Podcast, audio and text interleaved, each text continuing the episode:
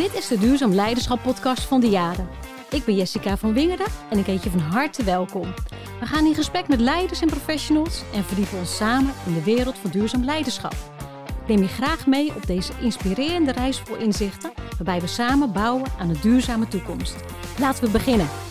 Vandaag de gast Hamid Karakus, politiechef bij de eenheid Noord-Holland. Hamid, welkom bij de podcast Duurzaam Leiderschap. Fijn dat je er bent.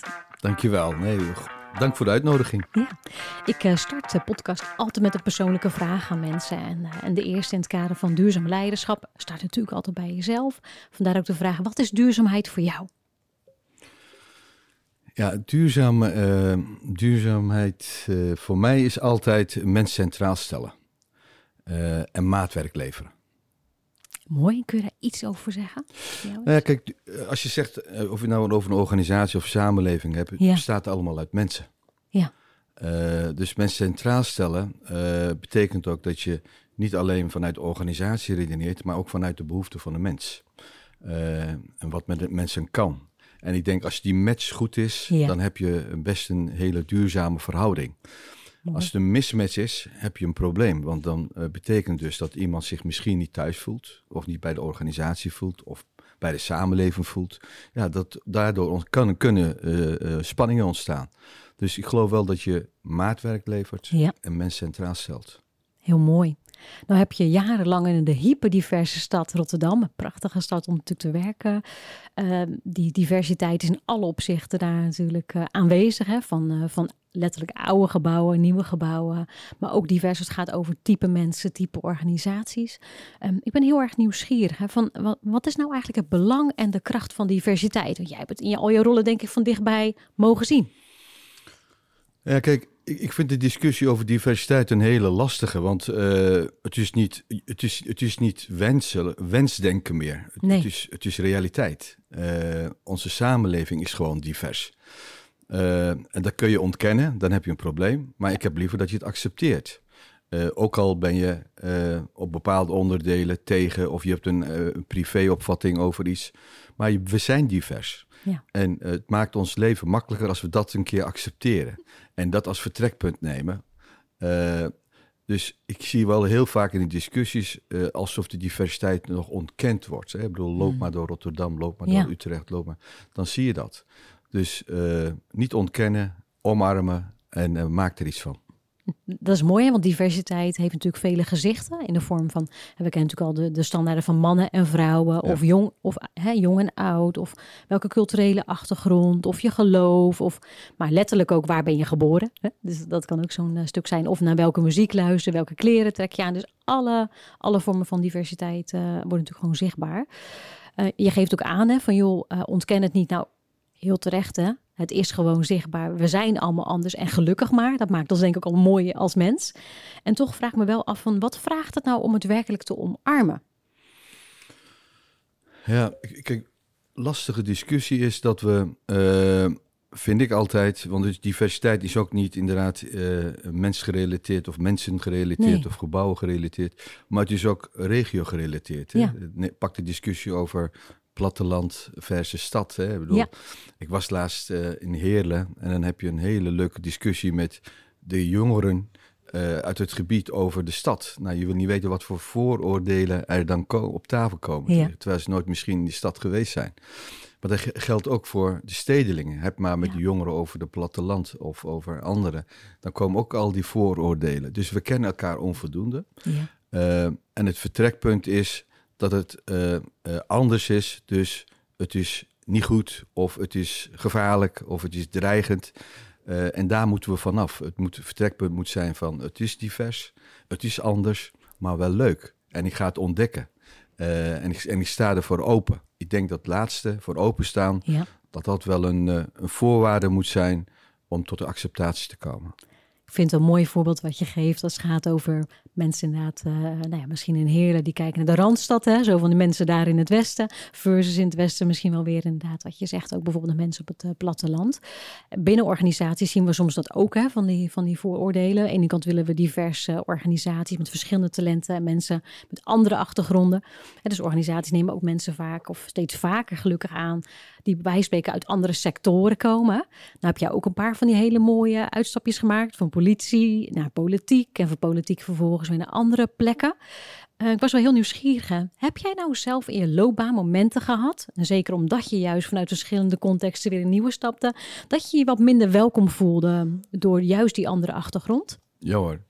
Nou, er zijn heel veel voorbeelden. Laten we, en, uh, en die voorbeelden die zijn er nog steeds. Hè? Ik bedoel, uh, ik kom zo even op terug wat ik daarvan vind. Ja. Maar een voorbeeld was, uh, want ik kwam uh, als eerste bij de politie en dat was denk ik, even kijken, niet denk ik, ik weet wel zeker, eigenlijk 87, januari 87 ging ik de opleiding in. En dan had je tussendoor een stage en oktober 88 ben ik begonnen als politieagent. Ja. Kijk, dat was natuurlijk voor die organisatie heel erg nieuw dus uh, je was anders, je zag er anders uit, maar je kwam ook uit een doelgroep wat hun eigenlijk doelgroep is. Hè? Namelijk de criminaliteit, overlast en de wijken. Keken ze zo naar jou? Nou, ja, dat, speelt, dat, speelt, dat speelt wel een rol. En, uh, en dan komt natuurlijk die vooroordeel ook weer naar boven. Ja. Uh, want ik kan me nog herinneren toen, toen ik daar rondliep en dan heb je nachtdienst en de volgende dag dan droeg je dossiers over als je iemand had aangehouden aan de Ja. recherche. Dus dan liep je naar boven, daar zat Ja. de recherche. En dan gingen de kastdeuren iedere keer dicht. Dat viel me wel op. Eh, en eh, in het begin snapte ik niet waarom, maar later besefte ik, ik denk, wat is hier aan de hand? Hè? Dus, Ja. En dan ga je ontdekken, er staan foto's, et cetera. Dus kennelijk dacht men van, joh, eh, het is een, iemand met een Turkse achtergrond. Dus die zou dan eh, al die Turkse eh, gasten kennen, dus eh, wantrouwen. Vanuit een vooroordeel, schat. Ja. ik in. Nou, en hoe ga je daarmee om? Hè? Dus Ja. dat is ook weer een les. Ik bedoel, je kan daar kwaad op worden, je kan daar Mhm. boos op worden en, en niet accepteren. Maar ik, had, ik, had, ik heb altijd een nuchtere insteek. Ik denk van, Ja. nou, het is zoals het is. Hè. Kennelijk is er iets aan de hand en dat moet ik doorbreken. Maar ik, ik bracht het af en toe ter sprake, zijdelings. Maar dan Ja. krijg je hele eh, eh, algemene reacties op. Dit is niet zo en noem maar op. Op een gegeven moment liep ik, eh, heb ik tegen een collega gezegd van... Joh, als jij nou voorloopt, Ja. dan gaan we eens even zien of dat zo is. Dus collega naar voren, nou, Ja. bleven dicht. En ik kwam naar boven en dan was paniek, gelijk weer kastdeur. ik zei, nou heb ik jullie. Ik zei van, Ja. nou, nou moeten we even praten, want dit, is, dit, dit klopt niet. Nou, Nee. Uiteindelijk eh, zeiden ze ook van, ja, Miet, ja, eh, speelde wel een rol, maar nu wil je kennen, joh. Hè, je bent nu een van ons en noem maar op. Ik, ik vind, eh, je moet het niet accepteren, maar je moet ook, denk ik, zoiets, zo'n relatie moet je ook rustig aan opbouwen. Ik had Ja. ook kwaad kunnen worden, ik had ook boos kunnen worden, ik had ook kunnen beschuldigen en noem Ja. maar op. Maar dat is niet mijn stijl. En ik geloof wel in dat je mensen ook in die overtuiging moet meenemen. Maar niet accepteren dat dat zo plaatsvindt, maar wel beseffen dat dat kan plaatsvinden. Want mensen kennen de samenleving ook niet goed genoeg. Hè? Ik bedoel, als je Mhm. in de politie werkt, dan heb je ook een beperkt. Dan woon je ook meestal buiten de stad en buiten je werkgebied waar je woont. Ja. Ja, dan, dan bouw je ook wel een bepaald eh, oordeel, vooroordeel op. Daar kun je er alles van vinden, maar eh, ik denk dat wel de, de realiteit is. Nou, dus dat zijn wel voorbeelden die je dan meemaakt eh, als je nieuw in een organisatie bent. En zo kun je ook voorbeelden noemen rondom vrouwen, zo kun je ook voorbeelden Ja. noemen rondom mensen met eh, beperkingen, et cetera. Dus het is wel een, een breedte. Eh, dus echt diversiteit geaccepteerd in die organisaties is er nog niet. En laat Nee. staan, er vindt nog steeds eh, racistische uitingen, er vindt nog steeds discriminatie plaats. En eigenlijk zeg ik dan van ja, ook die mensen zijn een onderdeel van de samenleving. Ook zij hebben een privéopvatting.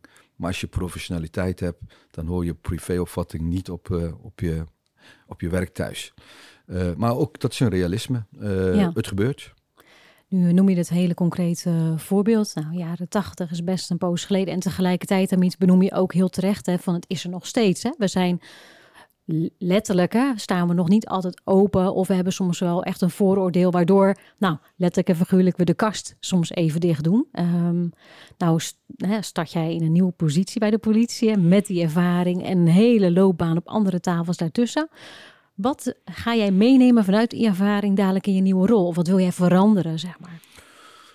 Ja, kijk, even los van hoe ik eh, als mens uh, ja. insteek, maar vanuit mijn rol, hè, ik, vind, ik vind dat je een paar dingen moet onderscheiden en dat doen we te weinig, ook op de op werkvloer. je hebt een mens, dat ben je gelijkwaardig. Ja. Dat, moet je, dat zal ik zeker iedere keer benoemen. Maar vanuit je rol ben je niet gelijkwaardig. dus vanuit je rol moet je wel sowieso dingen benoemen en niet accepteren. maar en ook, ook proberen dus dat is één. Hè? Dus ik zal in ieder geval dingen benoemen. Uh, nou, en in het besef dat daar nog steeds mensen zullen rondlopen uh, die die discussie niet aan kunnen of aan durven. Want uh, meestal speelt dat onderhuids en ik heb liever dat we dat op tafel leggen. Dus mijn tweede punt is, ik zal iedereen uitdagen om ook zijn of haar privéopvatting op tafel te leggen. Hoe ze tegen de samenleving gaat. Zonder dat daar uh, consequentie in zit. Ik vind dat die transparantie uh, en die professionaliteit, hoop ik dat ertoe leidt dat mensen zich ook, dat, ook dat, dat ze ook aan kunnen geven waar ze mee worstelen. Want ik geloof niet dat heel veel mensen bewust discrimineren. Nee. dat geloof ik niet. Er zullen best wel een aantal zijn die het bewust echt doen. maar ik geloof in, het, in de goedheid van de mens nog steeds. Ja. En dat is niet een naïeve gedachte. Want dat, dat ben ik niet.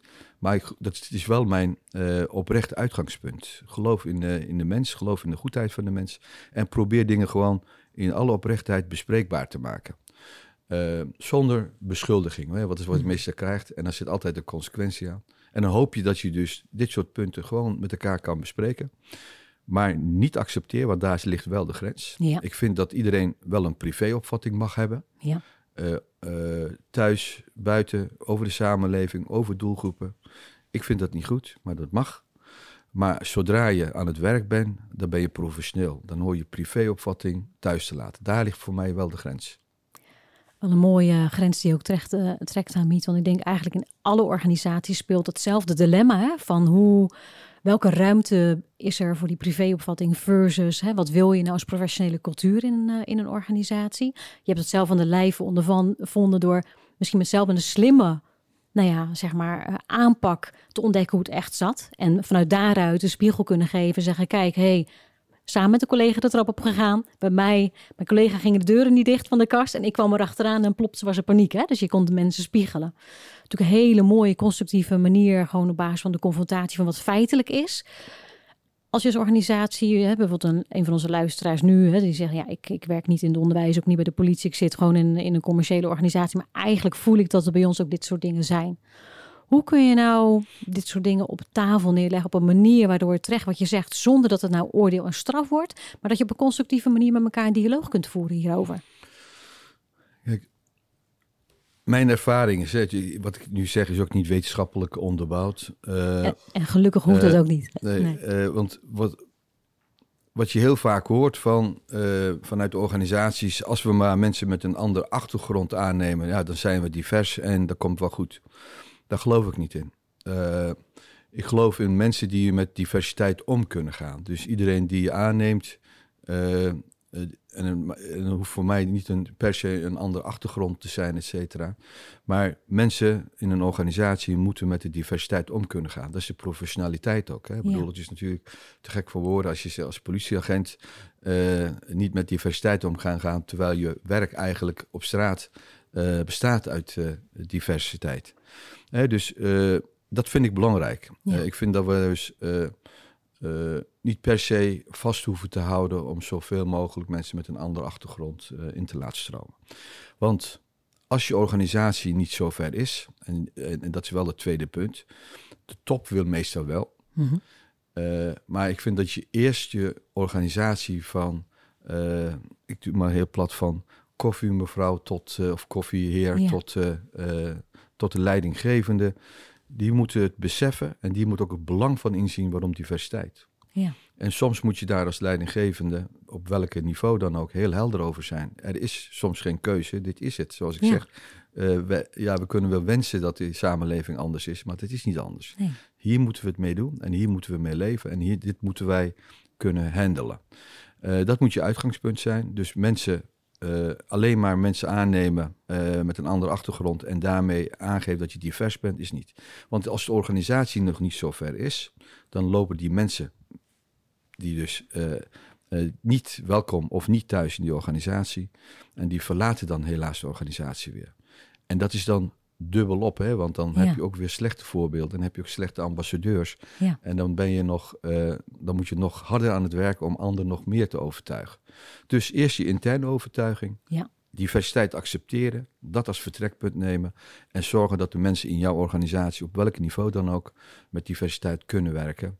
En daar hoort een dialoog thuis. Want uh, als je die, geen dialoog hebt, dan heb je, uh, kun je ook die vooroordelen en de oordelen niet wegnemen. En soms uh, moet je ook mensen gelijk geven, want het is ook zo. Het is soms ook zo dat een bepaalde cultuur geen match heeft in een, uh, in een organisatie. En ook daar moet je met elkaar heel open en transparant over praten. Zonder dat het een beschuldiging wordt, zonder dat het een uh, veroordeling wordt. Ja. want en ik hoop dat ik dus straks dat voor elkaar krijg, dat, Mooi. om die gesprekken met elkaar te voeren. Maar dat is dus ook echt nodig om met elkaar inclusiever te worden. Hè? Dus dan, dan heb je mensen vanuit verschillende achtergronden binnen. Maar hoe inderdaad, hè, hoe word je nou die inclusieve organisatie waar mensen zich ook thuis mogen voelen dan? Ja, het moet hun organisatie worden. Ja.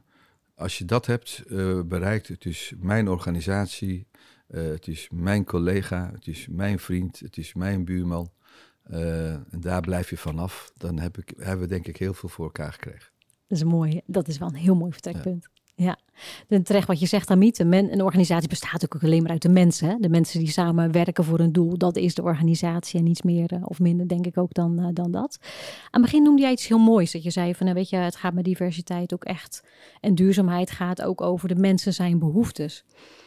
Je hebt uh, veel verschillende organisaties gezien met letterlijk verschillende culturen. Ik kan me voorstellen dat de politie weer heel iets anders is dan de politiek bijvoorbeeld. Of, uh, of een commerciële partij. Of een commerciële ja, partij. Coöperatie, ja. Een corpora woningcorporatie, commerciële uh, partijen. Ik vind het wel ben heel nieuwsgierig. Wat vind jij nou het mooiste van de kracht van diversiteit? Dat je samengewerkt hebt met verschillende soorten mensen en verschillende, in die verschillende culturen. Wat vind jij het mooiste wat je daaruit meeneemt voor jezelf? Ja, wat ik voor mezelf, uh, wat ik altijd mooi vind, hè, want diversiteit is ook niet alleen nogmaals achtergrond of geloof. Diversiteit is ook je opleidingsniveau. Ja. Diversiteit is ook uh, uh, wijken, waar kom je vandaan? Ja. want wat ik, wat ik altijd een mooie discussie vind, als je dus aan tafel zit met mensen uit verschillende wijken, volkswijk versus, nou, ik noem het maar elitewijk. Ja. ik krijg ook een hele mooie discussie over belangrijke thema's. Ja. Uh, en dat vind ik ook diversiteit. Dus zorg dat je ook de juiste samenstelling in je team hebt. Uh, dus nogmaals, diversiteit is voor mij breder dan alleen maar geloof of uh, cultuur of je huidskleur. en wat ik daar leuk aan vind, het verrijkt me wel, maar het verrijkt ook onderling. Ja. Dat, dat, dat valt me wel op, hè? want als ik aan tafel zit met, met een bepaald bloedgroep, ja, daar krijg je geen energie van. Want daar praten we over hetzelfde, want omdat we dezelfde kleur leuk vinden, omdat we dezelfde buurt fijn vinden. Maar als je juist met divers, dan krijg je ook een hele scherpe discussie. Zonder dat je met elkaar eens hoeft te zijn. Hè? Ja. Uh, dat vind ik wel leuk. En dat zou in die organisatie ook vaker kunnen. Maar het slaat heel snel om in beschuldiging. Hm. Of uh, in de terminologie als uh, ja, je, je bent met discriminatie bezig. Of dat mag je toch niet zeggen ik vind dat je bepaalde dingen niet mag zeggen, maar tegenwoordig moeten we ook, moeten we ook niet elkaar dwingen om helemaal zorgvuldig en keurig te zijn, et cetera. Want dat slaat de discussie ook plat. Ik denk uh, een beetje ruimte geven en uh, als uitgangspunt nemen dat dat niet zo bedoeld is. Dat zou wel denk ik heel fijn zijn om uh, goede discussies en leuke discussies met elkaar te voeren. Zonder dat je iedere keer over na moet denken van, nou, is het, klopt het juridisch heel goed? Ja. En klopt dit? Maar mag ik het wel zeggen? Mag ik het wel zeggen? Ja. Uh, ik vind dat je aan beide kanten, ook de ontvanger, moet Ja. daar ook relaxed in zitten. Uh, en ik, nogmaals, uh, bepaalde woorden, bepaalde kreten, bepaalde uitlatingen horen niet aan thuis. Dat kan je ook wel gerust ook zeggen. Zonder dat dat weer tot enorme discussie hoeft te leiden. Uh, goedheid van de mens, goed bedoeld, dat moet het uitgangspunt zijn. En de rest moet een hele goede, scherpe discussie aan tafel. En nou hebben we vaak, uh, hangt bijvoorbeeld rondom een woord discriminatie, vaak natuurlijk een negatieve connotatie. Je zou kunnen zeggen, je hebt ook heel veel redenen om soms mensen of groepen positief discrimineren, zeg dat maar even om extra kansen te bieden. Waar in de samenleving zouden wij mensen misschien wel ongelijk en dus meer kansen moeten geven? Nou, kijk, ik vind, ik vind de kreet uh, discriminatie of positieve discriminatie niet goed. Uh, Daarom noemde ik ook aan het begin maatwerk. Ja. Uh, sommige mensen die, die zitten op een bepaald niveau en die komen er wel. Hè. Niveau is niet alleen je opleidingsniveau, niveau is ook je netwerk. Ja. niveau is ook je situatie thuis, je omgeving waar je in opgegroeid bent. Nou, sommigen hebben dat van begin af aan mee en anderen stappen daar halverwege in. Dus dan heb je automatisch een achterstand. Ja. Uh, ook al heb je een hele goede opleiding, maar als je uh, tegenwoordig het netwerk niet hebt, heb je ook een probleem. Hè? Ja. Dus dat noem ik met maatwerk. En soms moet je mensen extra steunen, soms moet je mensen extra een kans geven, et cetera. Nou, dat noemen ze positieve discriminatie, maar ik noem het maatwerk. Ja. En daarom ben ik ook mensgeoriënteerd. Ja. En iedere mens heeft iets nodig. Nou, en als je dat biedt, dan word je beide sterker van. Mooi, dankjewel Miet. Nou heb ik voor uh, al mijn gasten altijd een paar dilemma's waar, uh, waar de mensen uit laten kiezen. je mag een, eigenlijk krijg je twee dilemma's voorgelegd. Je mag daar elke keer een keuze maken. En aan het einde van de dilemma's mag je maar één antwoord toelichten. Het zijn altijd lekker onmogelijke, maar ik ga je toch uitdagen ertoe. Inclusiviteit of diversiteit? Inclusiviteit. Gelijke kansen of extra mogelijkheden? Extra mogelijkheden. Waakzaam of dienstbaar? Dienstbaar. Doe maar gewoon of doe maar duurzaam? Ja, eigenlijk moet gewoon duurzaam zijn. ja. ja. Welk van de antwoorden wil je toelichten? Ja, duurzaam. Ja. ja? ja. Welke wil je toelichten van deze stelling? Ja, ik, ik vind... Uh, kijk, ik, de laatste vind ik wel. Ja, ik, ik kan alles toelichten, Mhm. maar daarom zeg ik wel, eigenlijk moet Ja. eh, duurzaam, want als je het gewoon doet, hè, gewoon moet juist duurzaam zijn. Ja, Dat moet de norm zijn. En duurzaam betekent eh, voor mij in ieder geval dat je dus een stabiele samenleving krijgt. Ja. Eh, want wat heb je aan een gepolariseerde samenleving? Wat heb je nou aan grote verschillen? Verschillen zou je altijd blijven houden, dus gewoon goed. Maar wat heb je daaraan? Wat heb je eraan als mensen met elkaar niet meer praten, elkaar niet meer ontmoeten? Eh, wat heb je eraan als je in een wijk woont waar eh, heel veel armoede is achter de voordeur, eh, veel ellende? Daar heb je toch niet zoveel aan. En dan weet ik ook niet, en dan, dat is dan de duurzaamheid. Ook al zou je het goed hebben, als iemand anders het niet goed heeft, dan, dan gaat het je ook raken. Dan heb je, je misschien in een onveilige buurt. Want uiteindelijk, de kinderen die geen kans hebben, die, gaan, die vervallen. Dus die zijn ook weer vatbaar voor de criminaliteit of voor een bepaald milieu. En daar heb je, als iemand die het wel goed heeft, Ja. ook last van. Ja. Dus uiteindelijk raakt het je. Eh, vandaar moet eh, eh, eigenlijk duurzaam heel gewoon zijn. mooi, mooie toelichting. En Hamid, een laatste vraag voor jou. Als we kijken naar, naar duurzaamheid en jouw rijke nou ja, carrière tot op heden met nog een behoorlijk mooi perspectief wat, eh, wat ook voor je ligt. Ik ben heel nieuwsgierig wat jouw eigen les over duurzaamheid is eh, geweest tot op heden, die je ook graag wel zou willen delen met de luisteraar. Ja, kijk, mijn, mijn eh, kijk, ik, ja goed, ik, ik, kan, ik, ik kan eerlijk gezegd, ik kan daar niet de verschillen aan duiden, omdat ik van begin af aan gewoon vind diversiteit. Hè? Dus dat is wat ik probeer even aan te geven. Accepteer dat. Ja. Eh, wat je er ook van vindt, hè? want je, je kan wel tegen zijn, je kan wel voor zijn, Mhm. maar het is de realiteit. Het is niet anders. Dat kun je niet, niet veranderen. Eh, ook al zou je het misschien willen of wensen. Het is, diversiteit is gewoon de samenleving. Diversiteit is gewoon onze familie. Diversiteit is gewoon onze cultuur. Ja. Als we dat nou eens accepteren, eh, en daar hoeven we niet mee eens te zijn, maar wel accepteren. Ik denk dat we daar veel verder mee komen dan eh, elkaar moeilijk maken eh, met eh, one-liners, elkaar moeilijk maken met hele ingewikkelde vragen. En daar hoort ook thuis, dat moet ik ook zeggen, dat we ook een heel relaxed in moeten zitten. En dat we niet heel gelijk een kaartje discriminatie of racisme moeten trekken. Want dat slaat ook de discussie heel erg plat en dood. En dat wil niet zeggen dat ik als iemand dat uit, dat ik dat accepteer. Dat is iets anders. Ja, Maar we moeten ook een beetje relaxed met dit soort thema's met elkaar kunnen praten. Eh, dus dat, dat is wat ik eigenlijk vind van, eh, Ja. eh, van, van onze samenleving. En ik denk dat we veel verder komen door nogmaals te accepteren wie we zijn en hoe de samenleving nu in elkaar zit. Mooi. En de schoonheid van diversiteit te zien en te waarderen. Nou, maar ja, daar wil ik niet ingaan, want daar denkt een iemand anders weer anders over. Hmm. Uh, ja. En dat is wat ik probeer even aan te geven. Wat je privéopvatting ook is. Ja. Uh, het is zoals het is. Uh, laten we dat als vertrekpunt nemen. En laten we dat gewoon iets van maken met elkaar. Want daar hebben we veel meer aan dan een gepolariseerde samenleving of uh, mensen die met uh, de rug tegen elkaar staan of kwaad op elkaar boos worden ja. of elkaar niet meer begroeten. Nou, zo'n samenleving zou ik in ieder geval niet willen wensen en ook een, een, onderdeel van willen uitmaken. Ik denk eerlijk dat we daar met z'n allen gewoon naar verlangen. Hè? Een, ja. een, een, samenleving die duurzaam is, waar we elkaar kunnen ontmoeten als mens tot mens. En waar iedereen er mag zijn met zijn, met zijn waarden. En iedereen mag ook iets vinden. maar als samenleving moeten we elkaars verschillen accepteren. Dat is eigenlijk het, het verhaal. Hamid, uh, dat, uh, dat goede gesprek voeren als het gaat over geïnteresseerd zijn in de ander en hè, de, de kracht van diversiteit kunnen omarmen. Dat stukje maatwerk en inleven. Nou, veronderstelt dat verbinding en, en contact. En tegelijkertijd, tegenwoordig gaat heel veel online. Ja. Hoe, hoe, hoe moet je daarmee omgaan? Of wat is nodig als het gaat om dat goede gesprek te kunnen voeren met elkaar? Nou, kijk, dat vind ik het, het allerlastigste. Hè? Want uh, kijk, ook dat is een uh, uh, realiteit. We hebben online en gelukkig kunnen we daar heel veel mee. maar wat ik, wat ik daarin mis, is het weer het, het menselijk contact.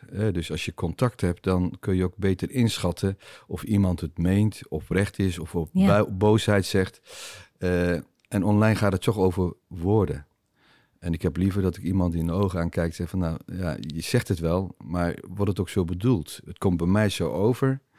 Uh, bedoel je het ook zo? Een gesprek kun je voeren. En online vind ik altijd lastig, want uh, uh, als je heel goed kan schrijven, jezelf kan verwoorden wat je bedoelt, dan heb je altijd gelijk. En dan sla je ook de discussie ook een keer plat.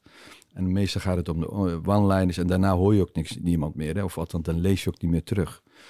Uh, dus ik vind, ik vind dat een hele lastige discussie. Dus uh, ik pas daar zelf voor en ik uh, zou ook mensen wel mee willen geven. Dit soort ingewikkelde discussies kun je ook niet online voeren. En ik vind het ook heel erg. Ik vind het ook.